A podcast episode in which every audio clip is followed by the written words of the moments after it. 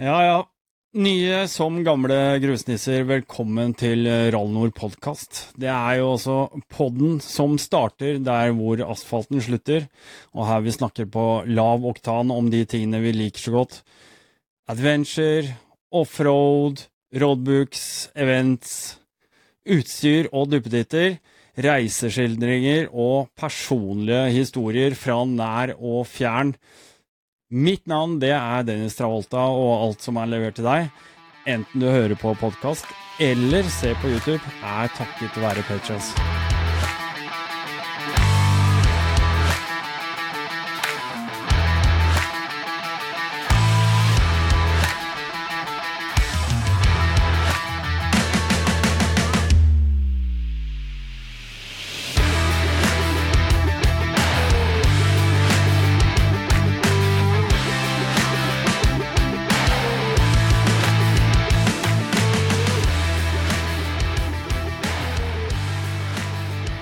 Joakim Boive, velkommen til podkast. Tackar, tackar.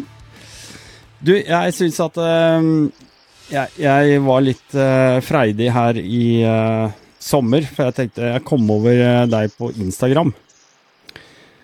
Og da måtte jeg bare sende deg en melding og spørre om du skulle Om du kunne tenke deg å være med i en episode av Rallnord podkast. Mm, ja, precis. men vi skal fortelle litt om hvorfor det, hvorfor jeg, du vekte min interesse i hvert fall. Men litt om deg, Joakim. Hvor holder du til? Jag sitter i Åkersberga, tre mil strax utanför Stockholm i Sverige. Då. Aha. Ja. Och där har du bodd och vuxit upp? Född och uppvuxen. Jag har gjort några avstickare utåt eh, Bromma där min nuvarande fru bodde. Då. Ah. Okay. Men i huvudsak så har jag faktiskt hållit med eh, större delen av livet. Ja. Och du är en uh, gott vuxen man som de flesta av oss andra? Ja, får jag väl säga. Rätt eller fel sida 50, det får man väl diskutera. Men ja, nej, gift, tre barn. Ja. Bor i villa och garage, tack och lov. Villa og garasje, det høres Nå kjente jeg blei avundsjuk med en gang, for så greit har ikke jeg det akkurat nå. Men uh, det er deilig, i hvert fall når vi, man driver med motorsykkel, å kunne ha litt uh, vann i veggkranen og en garasje og gå ut og pusle litt. Mm, ja, jo, nej, jag har det är väl inarbetat mitt garage. Mycket kul som står där. Ja, ja det är bra. Det är bra. Du, um, jag ser att du har på dig en Sherco-jacka idag. Ja, dagen till ära. Ja. Mm. Det är Sherco det går i? Sherco det går i. Eh, ja, precis. Jag, vet inte, jag tänker vi kommer kanske in på, på hela resan sen. Jag började, ju, jag började ju på KTM faktiskt. Ja. Eh, själva enduroresan, men, men nu är det, idag är det Sherco som gäller. Ja.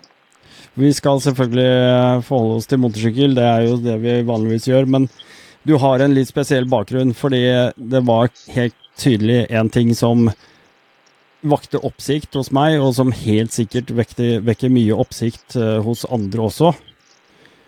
Uh, vill du si litt om det selv? Ja, det, det saknas ett högerben. Ja. Det, det, är så enkelt. Så att, uh, nej, så det, det blir lite speciellt. Gör det. Ja.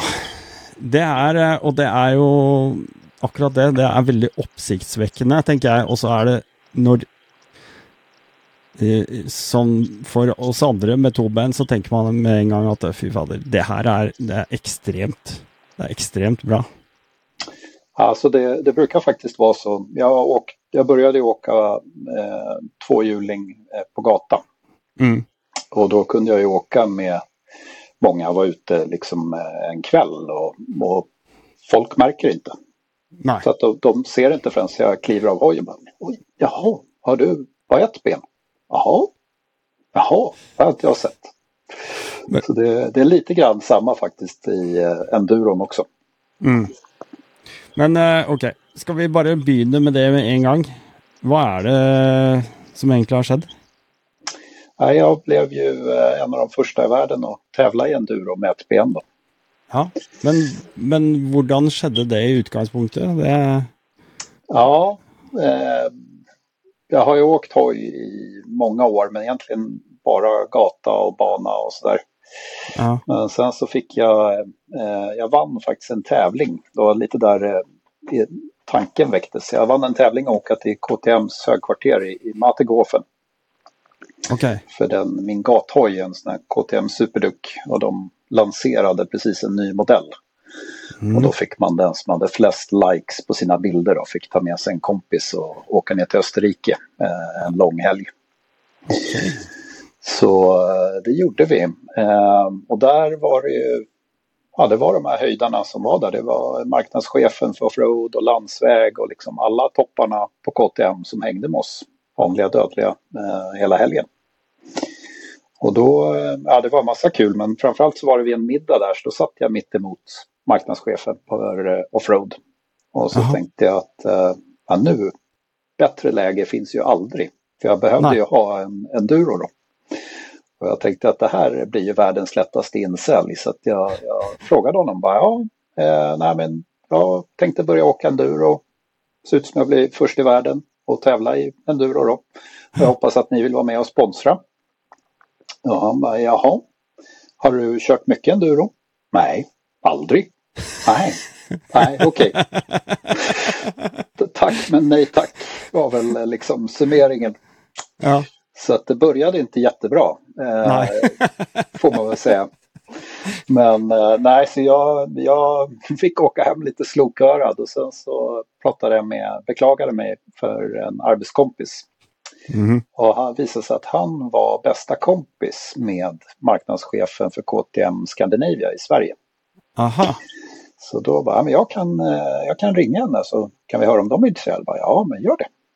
Så då hörde de av sig och eh, ja, det gick betydligt bättre. Hon, hon var helt insåld. Jag behövde inte sälja in mig överhuvudtaget. Det var bara, ja, nej men vi är på. Vilken hoj vill du ha? Och det var bara, ja, ja jag vet äh. inget. Jag, jag kan inget om enduro liksom. Så att eh, jag var, men en 450 eller en 500 blir väl bra. Jaha, ja, vi har en 450 hemma, du kan ta den. Ja, ja okej. Ja. Så det var så det började. Ja. ja, börja, börja lite smått. Ja, börja lite smått ja. Mm. Oj, oj, oj. bakgrunden till det, eh, det var ju att när jag tänkte göra det här så jag ville inte handikappanpassa hojen. Utan jag Nej. ville köra liksom på samma, med samma förutsättningar som alla andra. Eller med mm. samma material i alla fall. Mm. Och då ville jag ha en eh, fyrtaktare med stor motor som hade mycket motorbroms. Ja, ja, ja. Mm. Och då, det var därför jag tänkte då 450 eller 500. Eh, och för att jag hade ju ingen bakbroms helt enkelt. Så det var bara motorbromsen jag fick förlita mig på och frambroms. Och sen att ja. jag ville ha lite extra mos. Att, för jag kan, jag kan inte stå upp och växla till exempel. Det är ett av mina Nej. många problem. Okay. Så att jag måste orka åka runt liksom på lite fel växel. Ja. ja. Så att, eh, sen så lanserade jag det där om min, min idé och mina planer och vart ju totalt idiotförklarad av alla som kunde något om enduro. Oh, För det, det går ju inte att köra enduro med bara frambroms. Det går ju inte att köra en 450 i skogen. Det är alldeles för mycket maskin och det var det ena med det tredje. Mm, mm. Men just det där går inte. Det är något som uh, inspirerar mig. Det har du ristat av dig för länge sedan. Ja. Ja, nej, så det, jag, jag, tyckte faktiskt inte att det var några, några större problem, ska jag säga. Jag vet inte om, är det, blir det fel av mig att fråga hur detta i utgångspunktet skedde? Jag vet att du var ganska ung ålder eh, när du mistade benet. Ja, jag var ju, jag var ju 13 var jag, mm. när, jag när jag opererade mig. Okay. Så att, eh, det var ju en, alltså, jag har ju varit betydligt sjukare när jag inte haft cancer. Det var det som var eh, det luriga. Det var ju bencancer jag fick då. Okej. Okay. Så att uh, man märkte, jag märkte inte så mycket av det egentligen förutom att jag var trött. Jag var, var lite öm och strax innanför, uh, innanför knäskålen var jag. Uh, och, men väldigt trött. Så att jag kom hem från skolan, gick och la mig och sov. mamma väckte mig liksom, ska gå upp och äta, åt, sov, jättesvår att vakna, gå till skolan, börja halta lite. Var som ett muskel, inflammerat muskelfäste. Gjorde inte ondare än så. Men eh, så småningom så kom jag i alla fall till, eh, vad var det nu, var Karolinska sjukhus var det. Mm. Så då skar de upp knät och så konstaterade de att nej, men du, har, du har bencancer och det har gått så långt så att skelettet har löst upp sig och det har gått ut i köttet. Då. Så det var, det var rena turen att jag inte bröt benet ja. för att det luckras upp liksom med tiden. Så, då, så efter det gick det väldigt fort.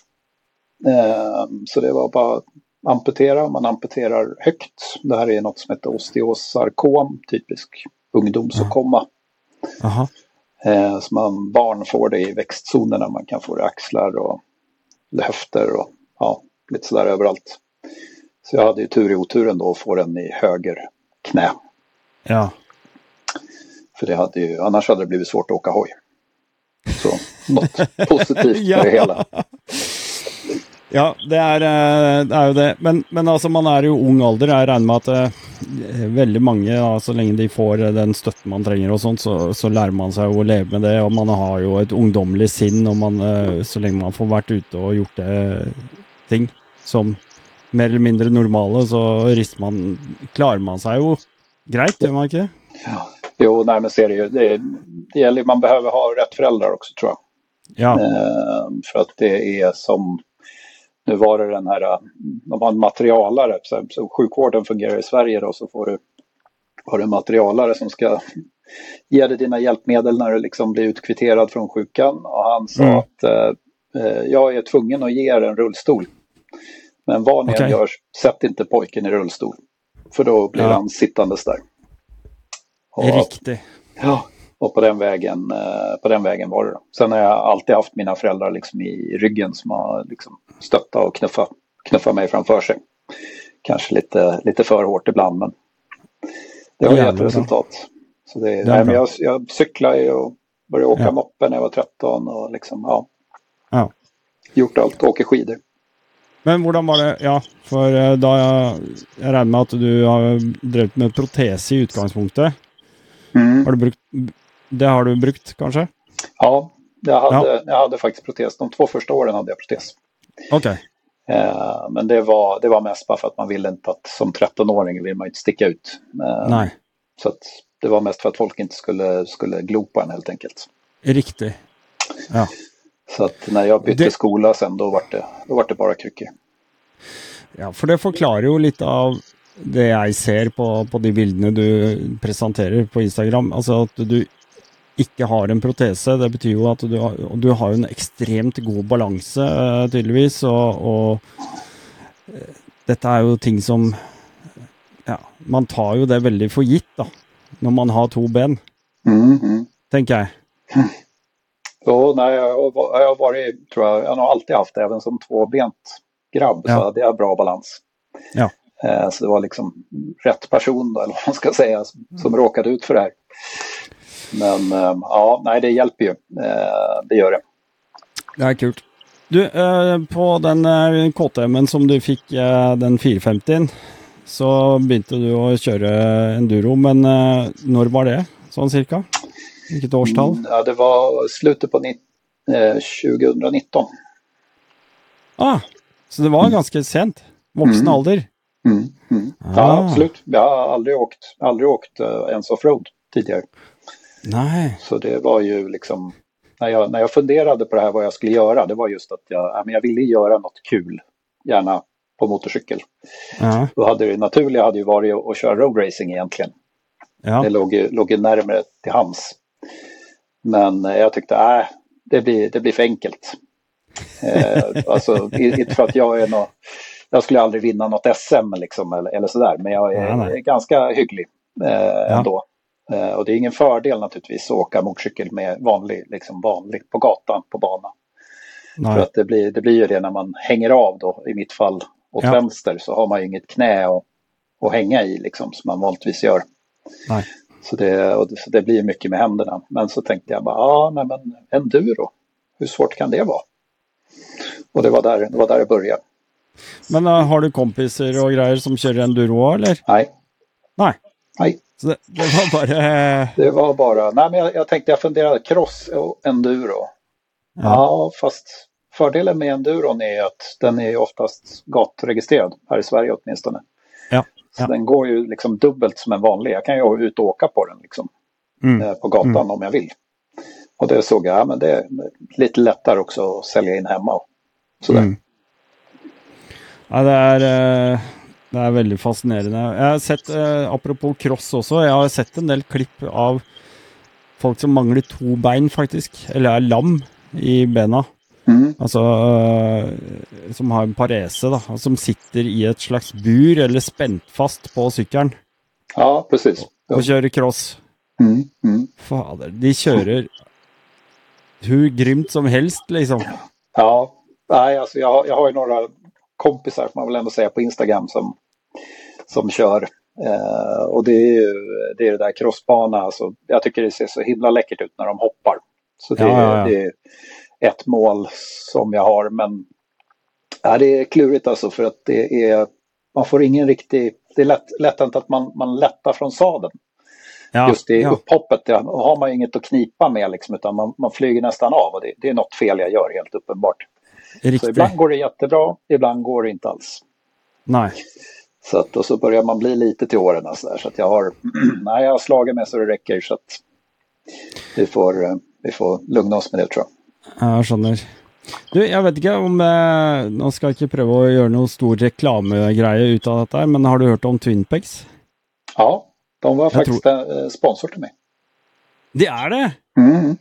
Ja, fader, jag pratade med Kai Ingvall senast idag. Jaha, se där. Ja, då, ja, jag, jag ja, känner varandra. Då får, du, då får du hälsa. Nej, han, han fixade, när jag körde sista tävlingen då, Gotland Grand National. Ja. Då fixade han till den tävlingen så fixade han fram ett par till den KTM 300 som jag körde med då. Ja, för jag tror jag taggade Twinpegs i en av inläggen dina. Mm. Mm. Så jag vet inte om det hade något med saken att göra, men, eh, men jag tänkte fader eller det här kunde varit bra för dig. Åsen, mm. har det hjälpt? Oh ja. Oh ja. ja, ja. Eh, nej, alltså jag... Eh, när man kör stalp, alltså ja, för de som inte kör enduro, det är som djupa tvära gropar eller vad man ska säga. Då ska man ju ta dem som man kör en båt, man går och studsar bara på topparna. Riktigt, riktigt. Men det kräver ju, dels kräver det fart och det kräver teknik och jag är lite för långsam så jag kommer lite för djupt ner i de där groparna hela tiden. Vilket ja. gör att det blir jätte, jättetungt. Mm. Eh, och då hjälper Twinpexen hjälper enormt just med mm. styrkan och orka hålla emot. Ja. Så det var, nej, det var verkligen super. Eh, han gör tyvärr inga för Kärko, inte än då. Eh, hade han gjort det så hade jag åkt med dem absolut. Ja, Uh, jag jobbar ju stadigt med något nytt, vet du. Så det ja. kommer plus, plötsligt så är det där. Jag tror att det är generellt, enduroåkare är väldigt konservativa. Det har, varit, det har varit så här, det har, kommer alltid vara så här. Ja då. Det är, det är sån där. Men det, nej då. Jag ska inte lägga för mycket fokus på, på det, men det var lite intressant att höra om du hade brukt det. Så mm. det var Nej, jag tyckte de var, de var suveräna på Gotland. Men, men då, på Gotland körde du KTM då? Mm. Ja. Så jag började ju 2019 där, då var det den här 450 som jag hade, en 2020. Mm. Eh, mm. och då var planen var att jag skulle köra Stångebroslaget i juli tror jag den går. Eh, så det säger väl en hel del hur mycket jag visste om enduro. Eh, mm. jag, var inte, jag var inte alls redo. Det, det var ju, alltså, det där var så jag hade inte kunnat föreställa mig hur svårt det var. Nej. Det var lägsta nivån i enduro är så himla hög. Om man tänker sig all annan motorcykelsport mm. så kan du liksom gradvis smyga det på. Men en, jag skulle kunna sätta min fru och kunna köra runt liksom en crossbana. Hon skulle ju ta sig runt. Men hon skulle mm. inte komma runt ett endurospår. Nej. Eh, det går inte. Liksom. Det är, det är samma... mycket mer teknisk. Ja, men det är mycket, det är mycket, mycket mer svårkört. Sen ja. säger jag inte att cross är lätt. Ska du köra fort så är det jätte, jättesvårt. Mm. Eh, mm. Men enduros lägsta nivå är väldigt hög. Det är rötter, det är stenar, det lutar, det är brant, mm. det är halt. Eh, så att, eh, nej, så, så, så det var, det var, jag fick ju lära mig att köra ståendes och Ja, du vet, första gången när jag gav mig ut ett endurospår Ja. Jag, tror, jag hade ju ingen aning. Jag hade ingen att prata med, kände ingen. Nej. Och så har de ju de här pilarna och det fanns ju lite olika färger och sådär också. Så jag tänkte att men det här är väl som i slalombacken tänker jag. ja. För att vara från skidor, ja, men då liksom blå, grön, svart backe och så vidare. Ja. Och då hittade jag en som visade gröna, det var gröna pluppar. Så jag tänkte det här måste vara lättaste spåret. Det är logiskt. Hade inget med det att göra. Så jag vinglade ut och dessutom på en långa spår, jag tror det var sju kilometer långt. Första gången jag provade, alltså jag var, jag var helt förstörd. Och det, jag var tvungen att stanna för jag hade sån kramp så jag kunde inte dra in kopplingshandtaget ens. nej, det var, nej, det var ingen bra start, så kan jag väl säga. Men du har gått om eh, träningsbanor och sånt runt eh, där du bor eller? Ja, jag brukar ja. åka mycket på Åsätra heter det. Aha. Ja. De har en jättefin anläggning med flera spår och crossbana och knattekrossbana och sådär. Och nu har så du det... blivit känt.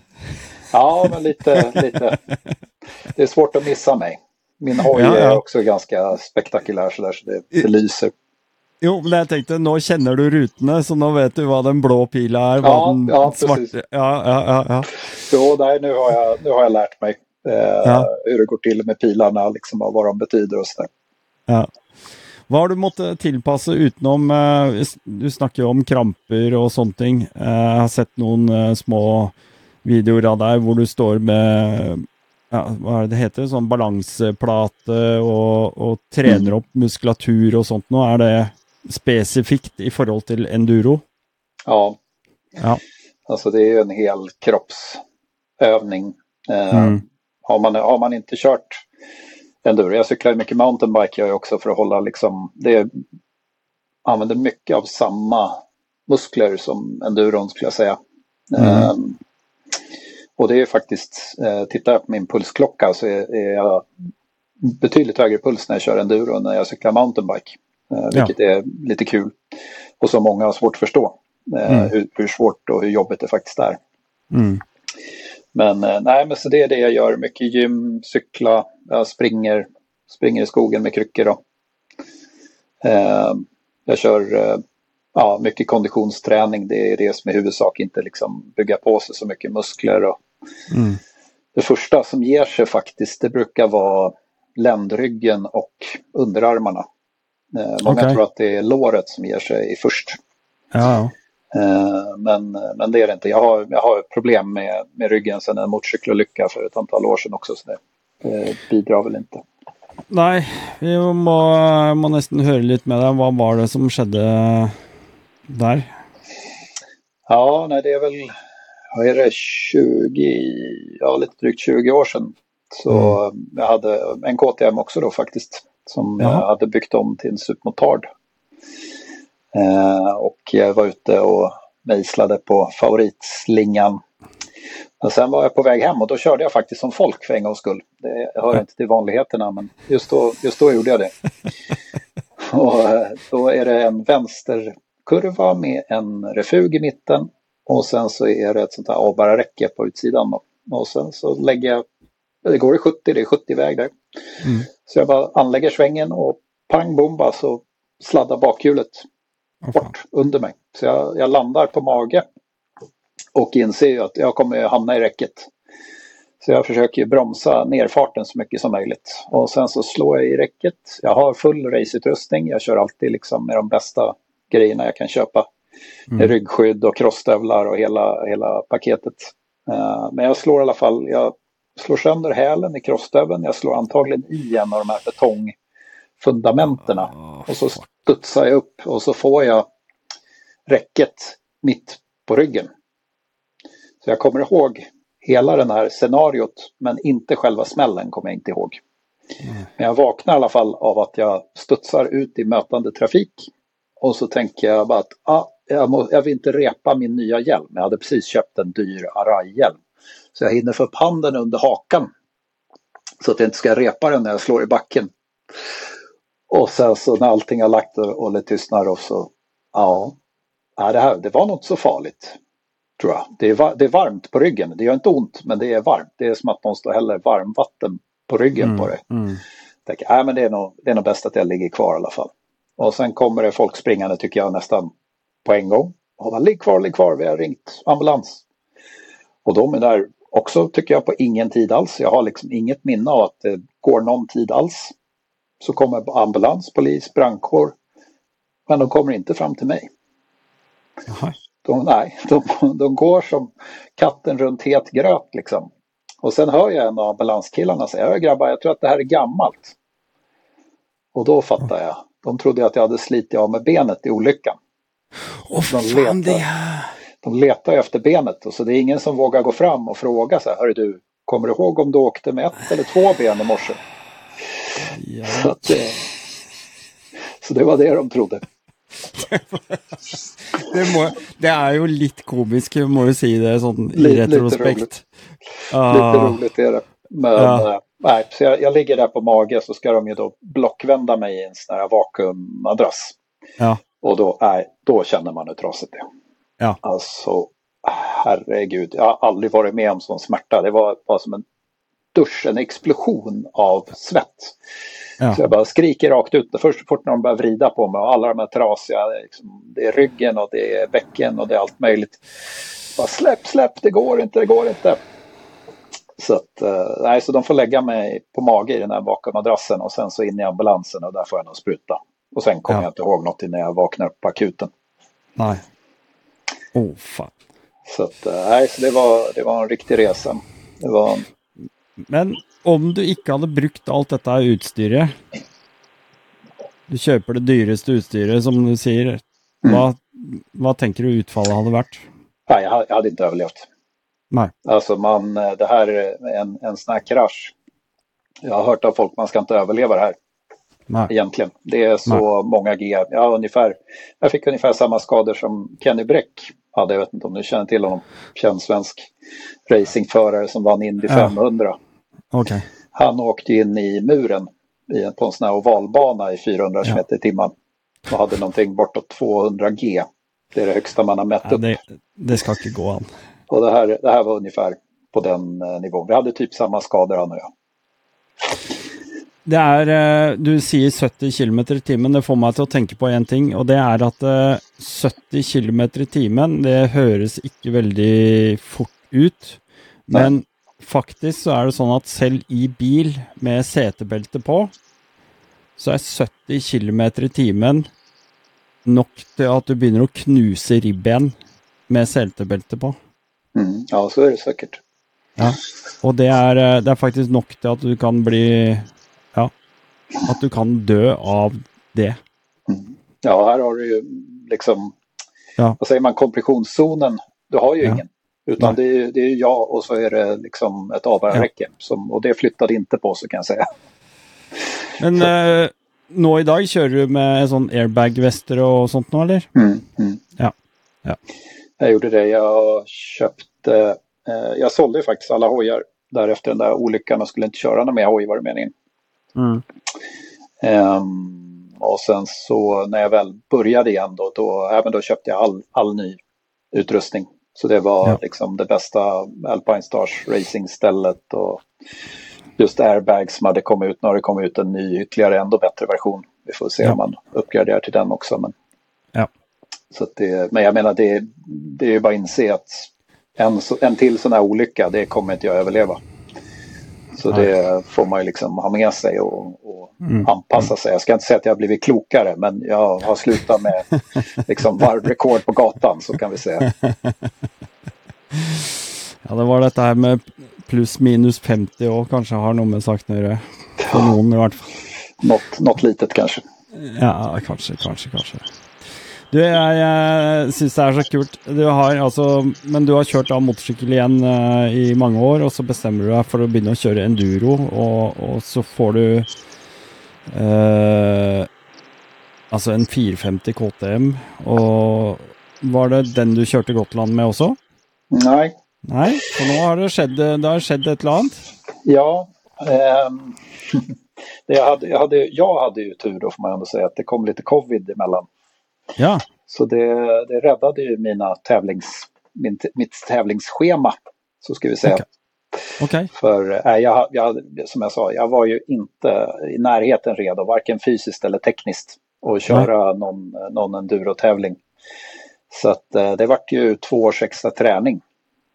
Eh, helt enkelt för även 21 var det ju covid så det var inga tävlingar då heller. Nej. Då, var jag, då kände jag väl att ja, men nu börjar jag känna mig redo liksom. För det, Mm. var, alltså, det var en så otroligt, eh, vad säger man, humbling experience heter det på engelska. Men ja, när man, har, man, är van, man var van att köra bana liksom, och så kör man i de snabba grupperna. Jag brukar alltid ligga, liksom, kanske inte först men bland de främsta. Mm. Och så mm. börjar man köra, är man van vid det, och så börjar man köra enduro och då är det knattarna. De kör ju om en så det bara visslar om det i skogen. Liksom. Ja, ja. ja, Ett riktigt eh, rundningsmärke. Så, så, men sen ef- efter något år, efter första året ungefär, då, då, jag tror att det var ganska precis något år, då började jag faktiskt köra om folk. Så det var, jag, kom, jag kommer ihåg det när jag låg bakom, fasen jag, jag kan ju köra Mm. fortare än vad den här killen gör. Det var bara, oh, shit. Det, var, äh, det var ett jättehärligt så här, uppvaknande. Ja, men nu, det verkar, nu är det något som börjar klicka. Liksom. Det- Så att, eh, på, det, på, den vägen, på den vägen var det. Så då var det KTM 2021. De sa att Nej, men du kan inte åka på en gammal 2020, du måste ju ha en 2021. Mhm. Jaha. Ja, okej. Så då fick jag en, en Six Days 450 istället Aha. åka på. Eh, och, men den hann jag tyvärr inte köra så mycket på. Eh, för att den blev stulen. Ja, fan. Jag hade inbrott i garaget. Ah. Så den rullade de iväg med. Så eh, därefter så blev det då en KTM 300 Erzberg variant. För då tänkte jag, Mhm. men nu, har, jag- nu har jag provat det här med, med 450. Jag, jag hade lite, inte för att jag tyckte att det var svårkört eller liksom på något vis för mycket effekt. Eh, utan jag hade lite problem med sådana här flameouts som är vanliga på de stora fyrtaktarna. Att de blir tjuvstopp liksom. Ja, ja. Mm. Eh, och det drabbade, det drabbade mig vid några tillfällen. Ja, og da får du problemer hvis du plutselig faller ned på feil side og, og sånne Ja, ting. ja, det är ju som Ja. att någon ställer sig på bakbromsen när den, när den stannar. Liksom. Ja, ja. Så att, eh, nej, men jag, ha- jag hade några vurper faktiskt av, av den anledningen. Ja. Så då tänkte jag att ah, men, ah, nu vill jag prova något annat. Så då vart det, då vart det 300 istället. Mm. Eh, och jag trivs mycket bättre på ja. dem. Eh, tvåtakt passar mig bättre. Men, men nackdelen är att då har jag ju ingen motorbroms. Nei. längre. Eh, Så då hittade jag faktiskt ett australiensiskt företag som heter Clake. Som Yes. gör eh, de här One Light Clutch och Ja. vad de heter. Och de har då en variant så att du har så här är bakbroms och där är Ja. koppling. Ja. Så det är två parallella handtag. Ja. Så den, den funkar super. Ok, så du har den med to parallelle håndtak. Du får den med ett håndtak som du har to funksjoner i også, gjør du ikke det? Ja, Eller precis. det- Det, det ja. finns, eh, det Nei, finns de har en- litt forskjellige varianter. Mm, det finns en som när du liksom, eh, det är koppling först och sen är det broms. Ja, eh, riktig. men jag ville ha, eh, jag ville ha separata. Ja. Eh, för tan- tanken var att jag skulle eh, lära mig att köra på bakhjulet. Och då behöver Ja. man separat bakbroms. Det må du ha. Ellers så kan det fungere litt feil. Nej, jag, jag har faktiskt varit ganska hygglig på att köra bakhjul eh, på mina Jaha. gat, gathojar. Ja, Och då, då har jag inte haft någon bakbroms nei. alls. Eh, det, var, det är lite, lite kul det där, för jag, när jag började köra 125 eh, den gjorde jag en highside med på favoritvägen. Och mina föräldrar då, de tyckte att äh, ska du ha någon mer motorcykel då får du, får du ha, skaffa en offroad. För de går inte så fort. Aha. Eh, och jag höll på att protestera om det. Alla mina polare åkte ju liksom FZR 1000 och GSXR 1100 och vad det var som gällde då. Jag kommer ju vara sist in till Sveavägen. Det är en sån här jättekänt. Alla hojåkare samlas på Sveavägen på onsdagar. Ja. Eh, så ja, nej, en offroad är det som gäller om du ska åka något mer. Ja, ja okej då. Men då kunde man ju lära sig att köra bakhjul. För det var ju, liksom, det var ju det som var bra med offroaden då. For det er mye tryggere. Ja, jo. Så att, eh, nej, så det där, det där hade jag en kompis med, en vapendragare som har följt med ända sedan liksom BMX-tiden. Från BMX till moppe till 125 och till... Så han hade en likadan. Så vi Ja. hetsade eller sporrade beroende på varandra och stegra längre och, och högre. Ja. Men det, det gick bra. Jag har, en gång har jag slagit över faktiskt. Har okay. Men annars så har jag har inte det. Jag kunde väl köra i alla fall ja, några kilometer klarar jag. Åka på bakhjulet. Jävligt bra. Fader, altså, jeg prata med Steve her på fredag. Han også er fælt til å dra på bakhjulet hele tiden og mm. står på setet og øh, holder på. Som. Du hva, jeg, jeg, må, jeg, må, lære det. Jeg har aldri jeg har aldri, Ikke det at jeg ikke tør, ikke det at jeg er redd for å slå meg, men jeg har alltid vært så redd for å liksom ødelegge motorsykler mm, og mm. masse dyre deler og sånt, så jeg har liksom Nei. Jag har varit skeptisk till det. Ta det, gäller att ta, hitta något bra ställe och ta det stegvis. Alltså så... för det, det är ju helt, det är helt otroligt galet. Det är så hvis, du sitter och, hvis noen sitter och hører på nå og har lyst til å dra meg med ut og begynne å lære meg å dra på bakhjulet, så ja, send meg en melding.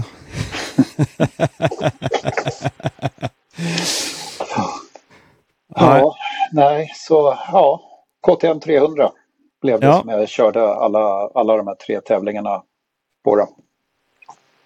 Mm. Vilket mm. trä? Vilket trä? Ja, planen var ju från början eh, just att köra egentligen en tävling. Eh, och, det var? Och, och, det var Stångebroslaget. Okay. Och det var ju av det enkla skälet att jag är ju inte dummare än så att jag, jag vill göra så enkelt för mig som möjligt. Och jag gör ogärna bort mig. Så att jag frågade runt helt enkelt och frågade vilken är den minst svåra endurotävlingen du kan köra? Och då sa alla då i alla fall att Stångebroslaget om det inte regnar. För då är, ja, den, eh, då är den ett helvete. nu har jag fått höra att flera tycker att Gotland är lättare. Ja. Ja. Uh, Om det inte regnar. Ja, jo, men lite samma. jag, skulle, jag skulle nog säga, nu när jag har kört bägge, skulle jag säga att Gotland är mera psykiskt påfrestande. För det är så himla halt. Det. Men, men tekniskt eh, så är Stångebro svårare, även om den är relativt snäll. Okay. När det inte har regnat. Mm. Ja. ja. för det Gotland det är glatt, eller hållt som du säger, alltså med, med den eh, vita stenen. Ja, nej, det, ja. Fin det, finns ju ingenstans att öva på det än på Gotland. Nej, nej. nej. Så att, och sen så just att den här kalkstenen är så himla kantig. Om man kör på ja. sten liksom i skogen, den brukar vara rundare liksom. Men här mm. är det väldigt, det slår så i motorcykeln hela tiden. Mm. Um, så att ja, nej, så nej, men jag tänkte, nej men Stångebroslaget då. Um, så vi åkte dit jag och min fru. Och jag lyckades ju faktiskt få med mig en sponsor, ytterligare en, MX Trailer heter de. Eh, som stod för vagn, för jag hade ju, jag hade ju inte ens Nej. något. Jag hade ju ingenting. Nej. Eh, så det var när jag, när KTM hade fixat motorcykel så var det bara, ja just det, jag behöver ju ha ett släp också. Jättevälplanerat. Ja. Så, att, eh, nej, så de, de fixade släp, så vi åkte i alla fall till Stångebro. Eh, och visste väl inte riktigt vad jag hade att förvänta mig där heller. Men jag hade, jag hade tränat som ett djur fysiskt. Ja. Så jag var i då väldigt fin form. Jag, jag tränade faktiskt, jag bantade inget utan jag, bara, jag tränade ner med 8 kilo inför eh, den tävlingen. Oj. Jag körde två pass om dagen. Jag sprang 6 kilometer på morgnarna och sen så körde jag något gym eller ytterligare något cykelpass på kvällen 5-6 dagar i veckan för att orka liksom eh, hålla i.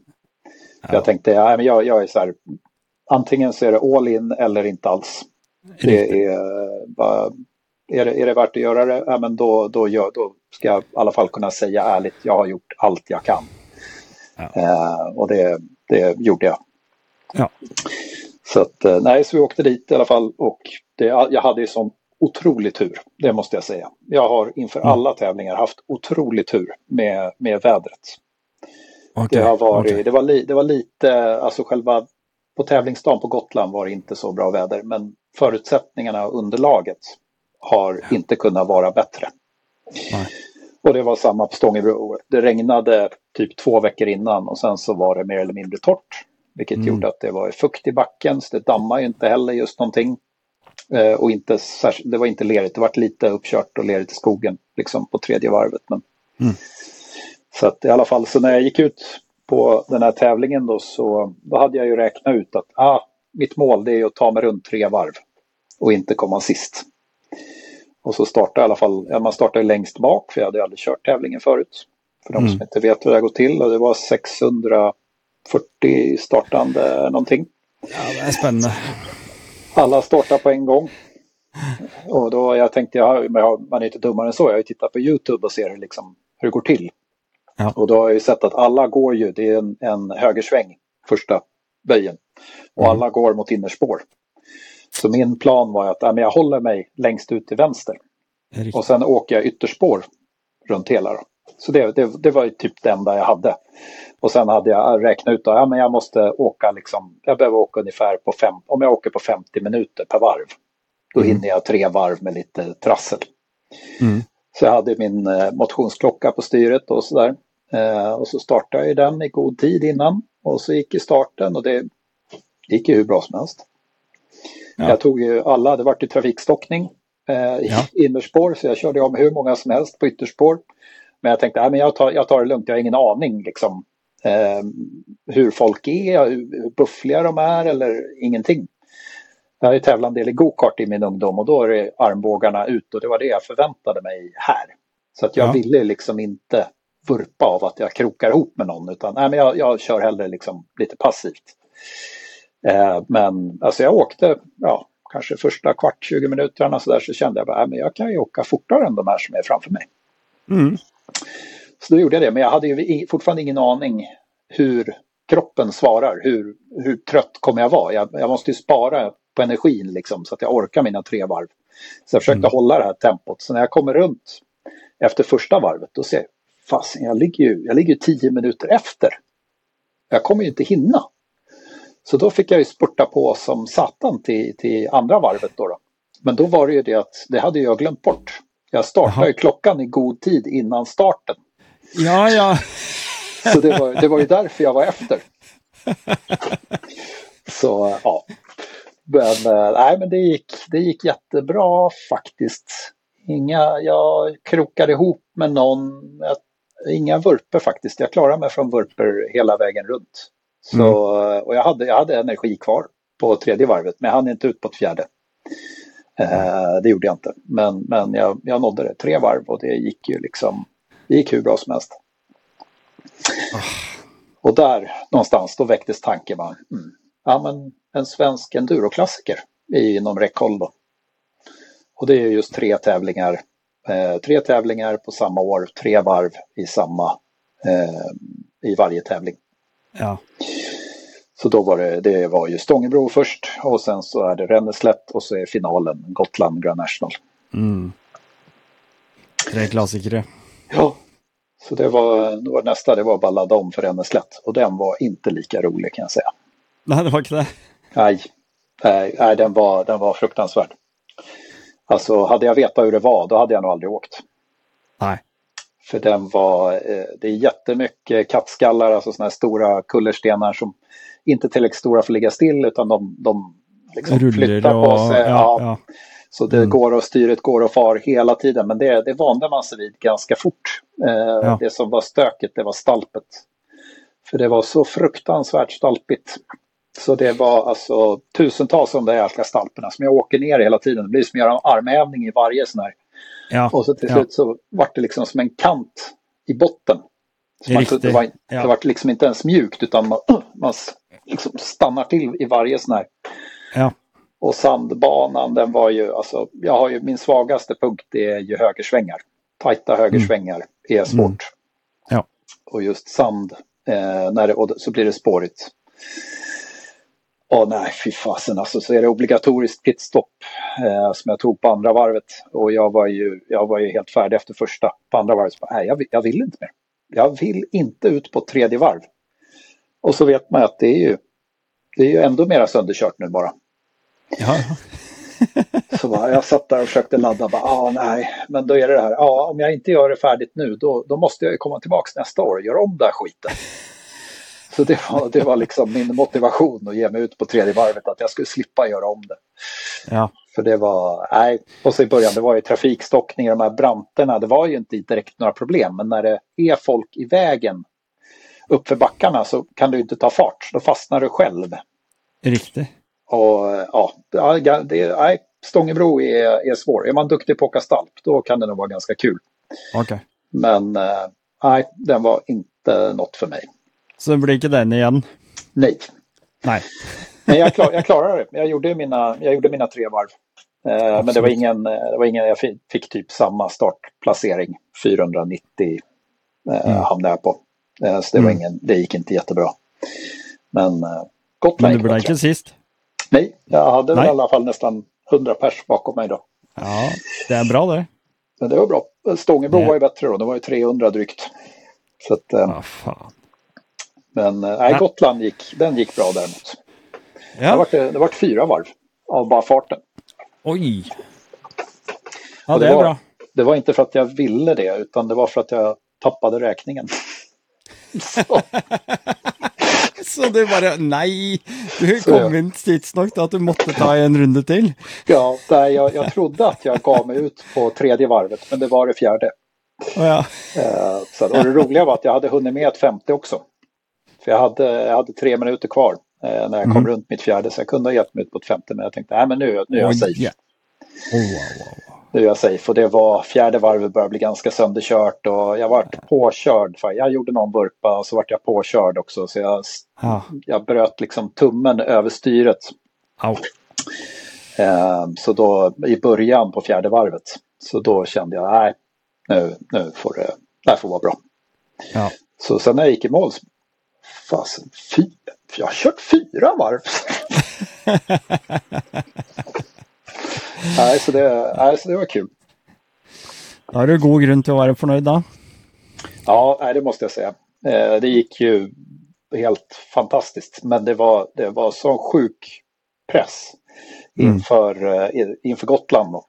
Pressen mm. eskalerar ju bara liksom för varje tävling. Ja. Och sen jag var så dåligt förberedd för att, ah, ska vara, det är ett hett tips för alla som ska åka Gotland, var ute i god tid. Ja. Eh, alltså jag menar inte veckor nu, månader Nej. innan mm. och boka mm. den här färjan. Jag kunde inte ens tänka mig, den var ju, jag hade svårt att hinna med, alltså få plats. För att den var ja, full. Där, där, där blir det fullt ja, mm. det är fullt. Mm. Så att, nej, så jag fick ju en jättedålig tid. Jag hade ju tänkt att vara där någon dag innan, men jag fick ju åka sista färjan på torsdag så den kommer ju hamna vid 12. Så att jag kom väl i, ja dels så sov jag dåligt säkert de få, två första veckorna innan racet.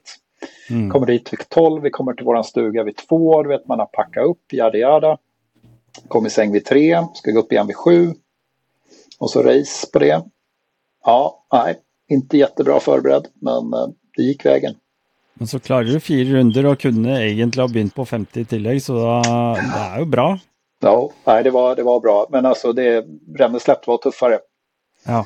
Rent, ja, ja. Eh, alltså jag hade, vad brände jag? Enligt klockan så hade jag 191 i maxpuls. Ja, fy fan, det är högt. Det är högt, 168 i snitt i puls. Så det var, nej den var, den var fruktansvärd. Ja. Nej, jag, jag, jag bare imponert, og jeg regner med at det er veldig mange andre også som eh, ser på deg og blir imponert, og, og, det er vel kanskje Er det litt av grunnen til at du sitter med Sjerko-jakke på deg nå, eller? Ja, det var en liten, liten kul grej för att i och med att det där gick så bra så hörde Kärko av sig efter Gotland.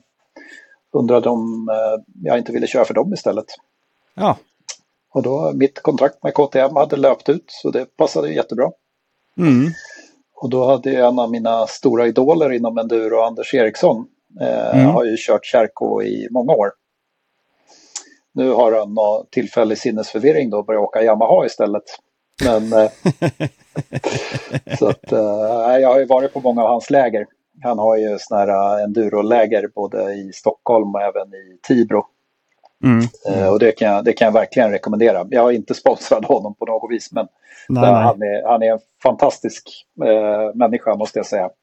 Och man ska absolut, det är både som elitåkare och som glad amatör, nybörjare, så alla har jättestor glädje av de här lägren. Men jag tycker de är, de är grymma. Mm, till, och med, mm. till och med min fru som hänger med och tycker att det är jättekul. Ja. Och hon kör ju inte ens. Nej.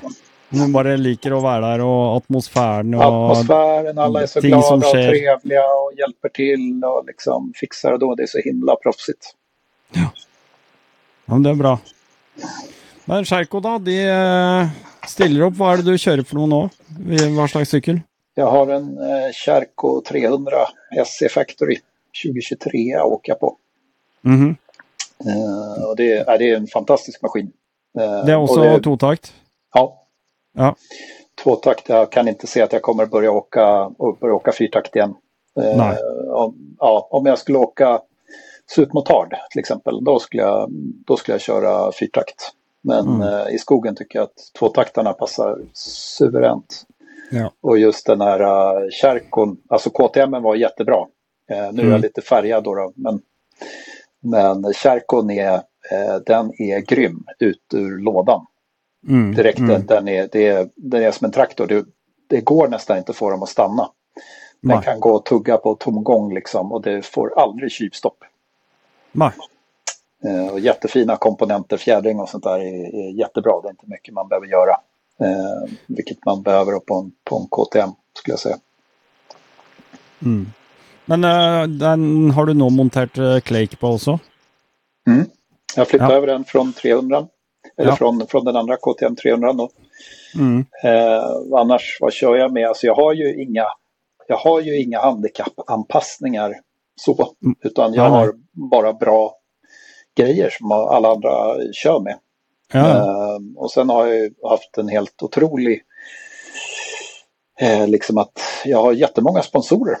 Jag har ju värsta upplägget som, som många elitåkare är avundsjuka på.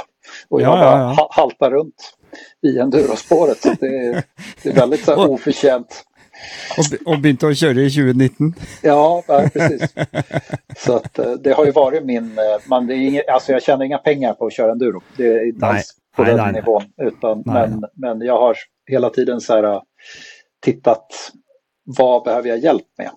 Eller mm, vad mm. behöver jag eh, i delar eller utrustning eller vad det nu kan vara. Ja. Och det, det, får jag säga att KTM var en fantastisk dörröppnare ja. för mig. Så mm. när, när folk i branschen hörde att KTM var med och sponsrade, då bara, jaha, ja, då vill vi också vara med. Ja. Så mm. det, det, har varit en otrolig hjälp. Så det som, som jag skulle säga som underlättar min körning, ja dels så Alltså jag kan inte, den får, den får ju bara inte gå sönder eller jag får ju inte bli stående Nej. i skogen. Jag har ju inga kryckor med mig när jag är ute och kör. Så att om Nej. den pajar ute i skogen, ja då, då sitter jag fast. Så, liksom, så här, punktering, det var väl liksom det första jag var orolig för. Ja. Så då, ja men Ermos kör jag med. Eh, tycker jag är suveränt. Alltså det är en, en, korv som de säger i branschen. Det är ingen luft i hjulen längre. Nej, nej, du har mos. Det är en mos. Ja.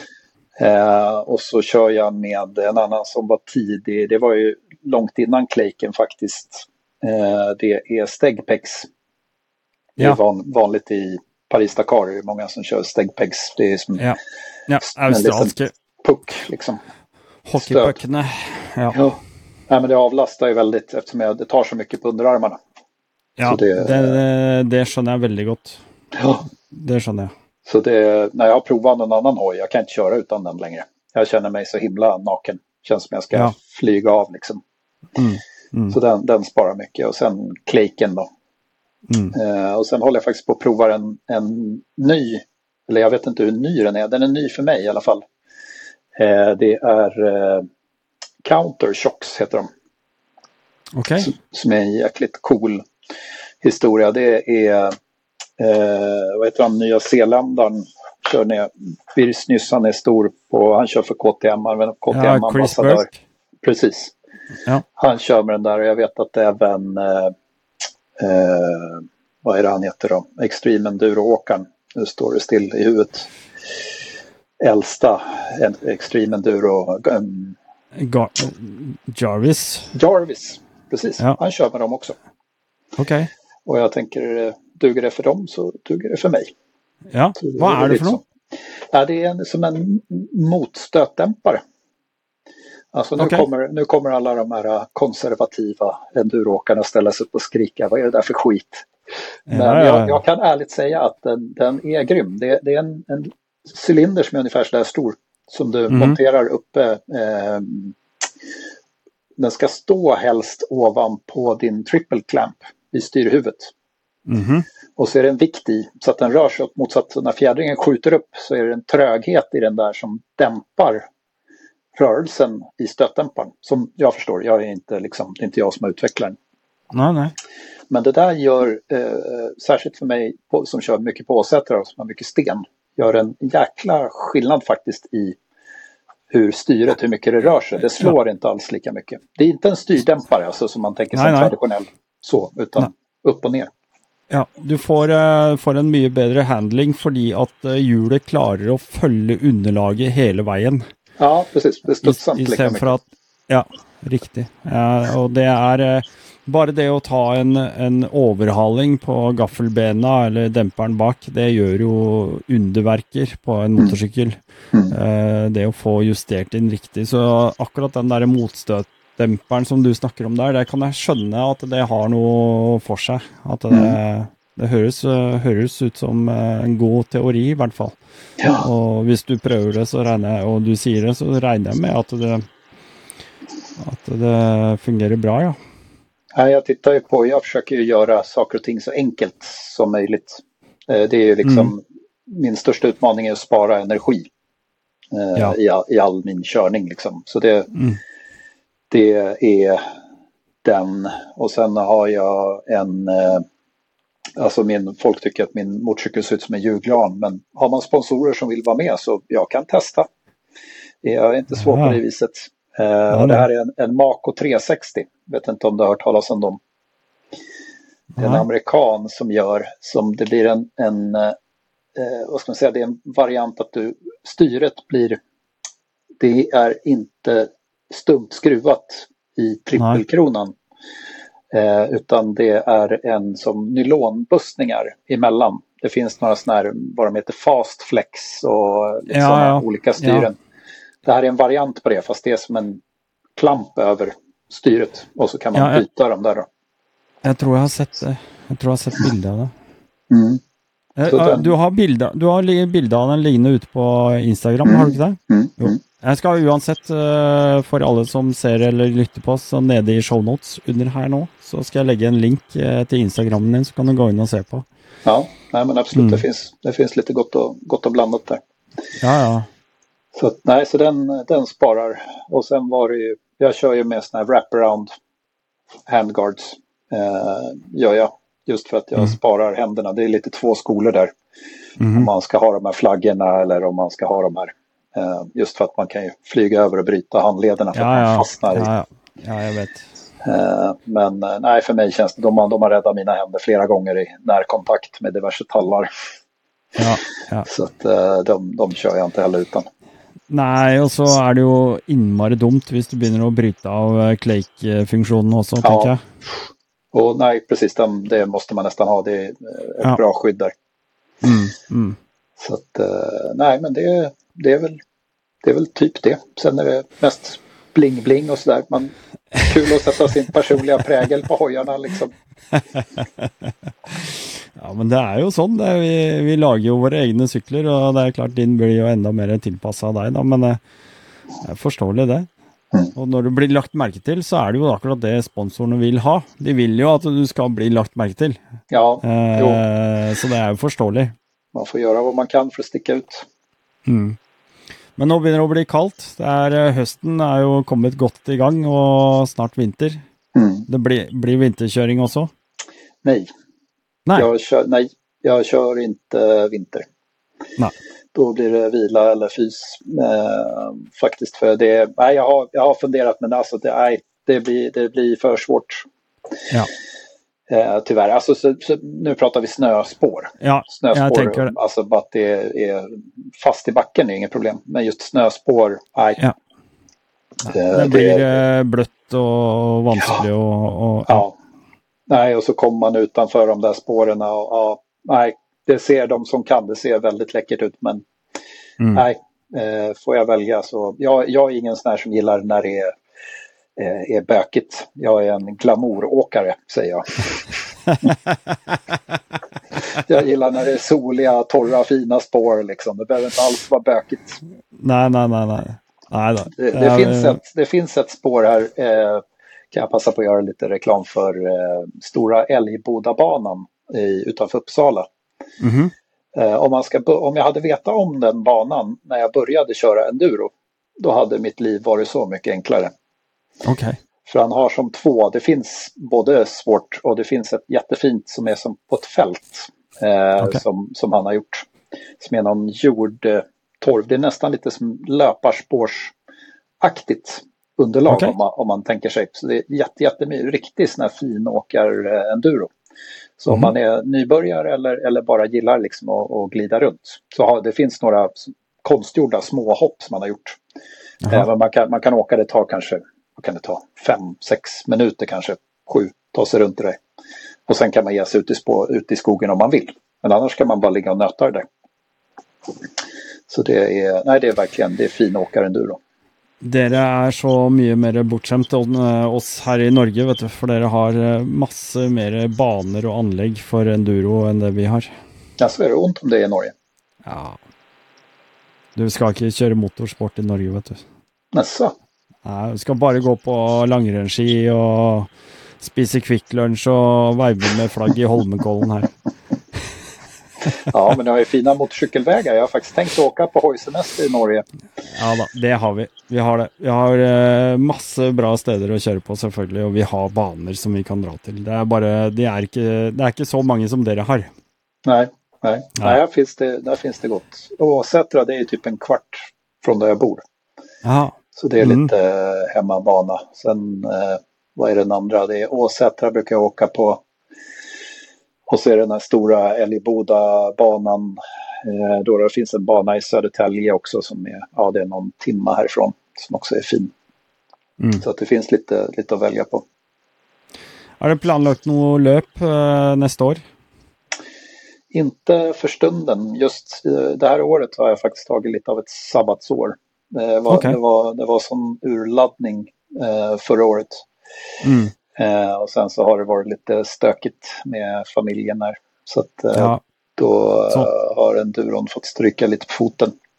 Ja, så nu får, nu får vi se. Jag hade, jag hade faktiskt stora planer eh, eftersom det gick så bra. Jag fick som blodad tand första säsongen. Så då tänkte jag att, ah, jag, jag, och jag tänkte inte göra om Ränneslätt då.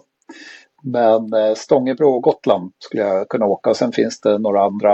Eh, vi har en SCC Series, heter den, som är sån här varvlopp. Okay. Som jag har varit lite sugen på eh, att köra. Och då har målsättningarna varit liksom att placera sig i övre halvan av resultatlistan. Det är väl mitt mm. nya mål. Ja. Jag, jag, var nära, jag var nära förra året men inte riktigt, inte riktigt där. Så det, det fast ju, ja, just nu så bara åker jag när jag vill, där jag vill. Ja. När det är fint väder. Nej, det är lite, lite kul där för att min fru hon, hon är min största supporter i det här. Eh, ja. man hör ju med de andra grabbarna och gubbarna liksom, ah, ska, du åka, ska du åka nästa helg? Nej, nej, det går inte, du vet, och det är familjen och det är hustrun och ja. det är ditt. Min är så här, ut, åk! Och sitter där, ja, ja. måste åka mera. Du kan inte bara åka när det är sol, du måste åka när det regnar också. Tänk om det regnar när det är tävling. så att, nej, så jag, jag har inga problem med det. Stå med pisken. Ja, nej. Det är bara att träna mera.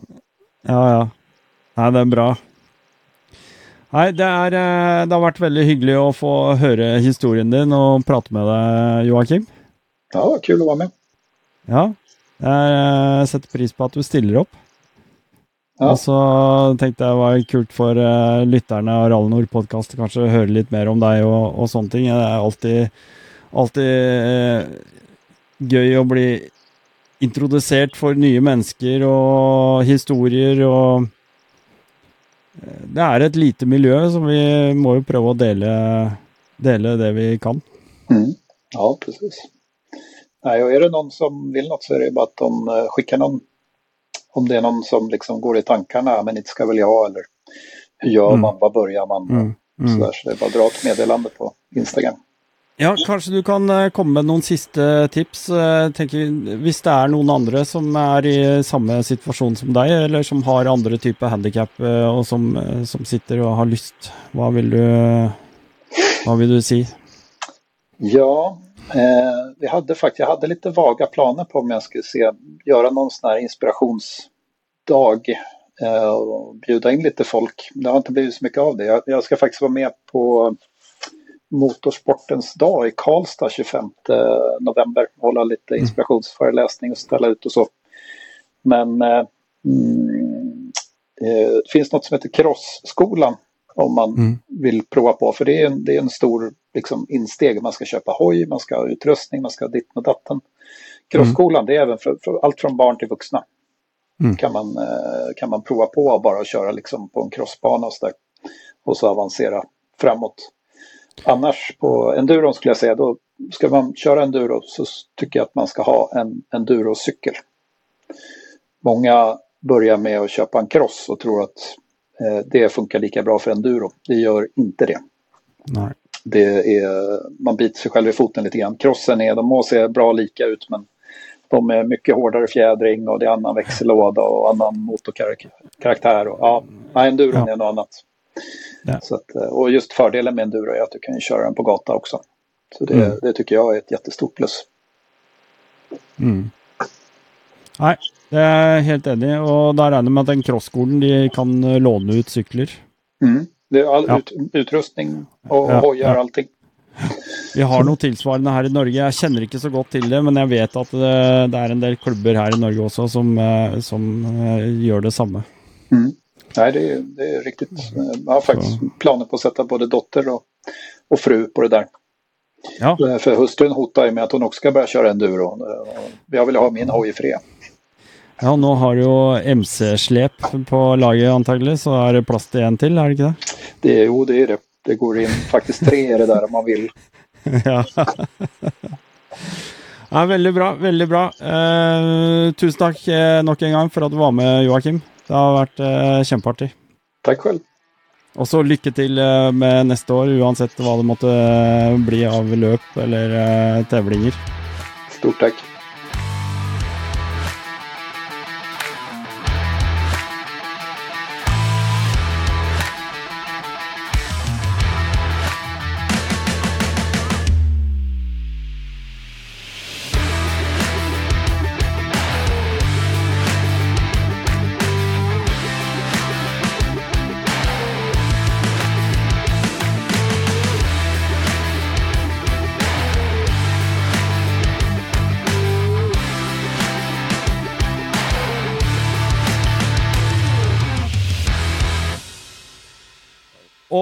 Liker det smale eh, temaet som du får levert, så husk at du kan støtte eh, podkasten ved å gå ned i episodebeskrivelsen under her.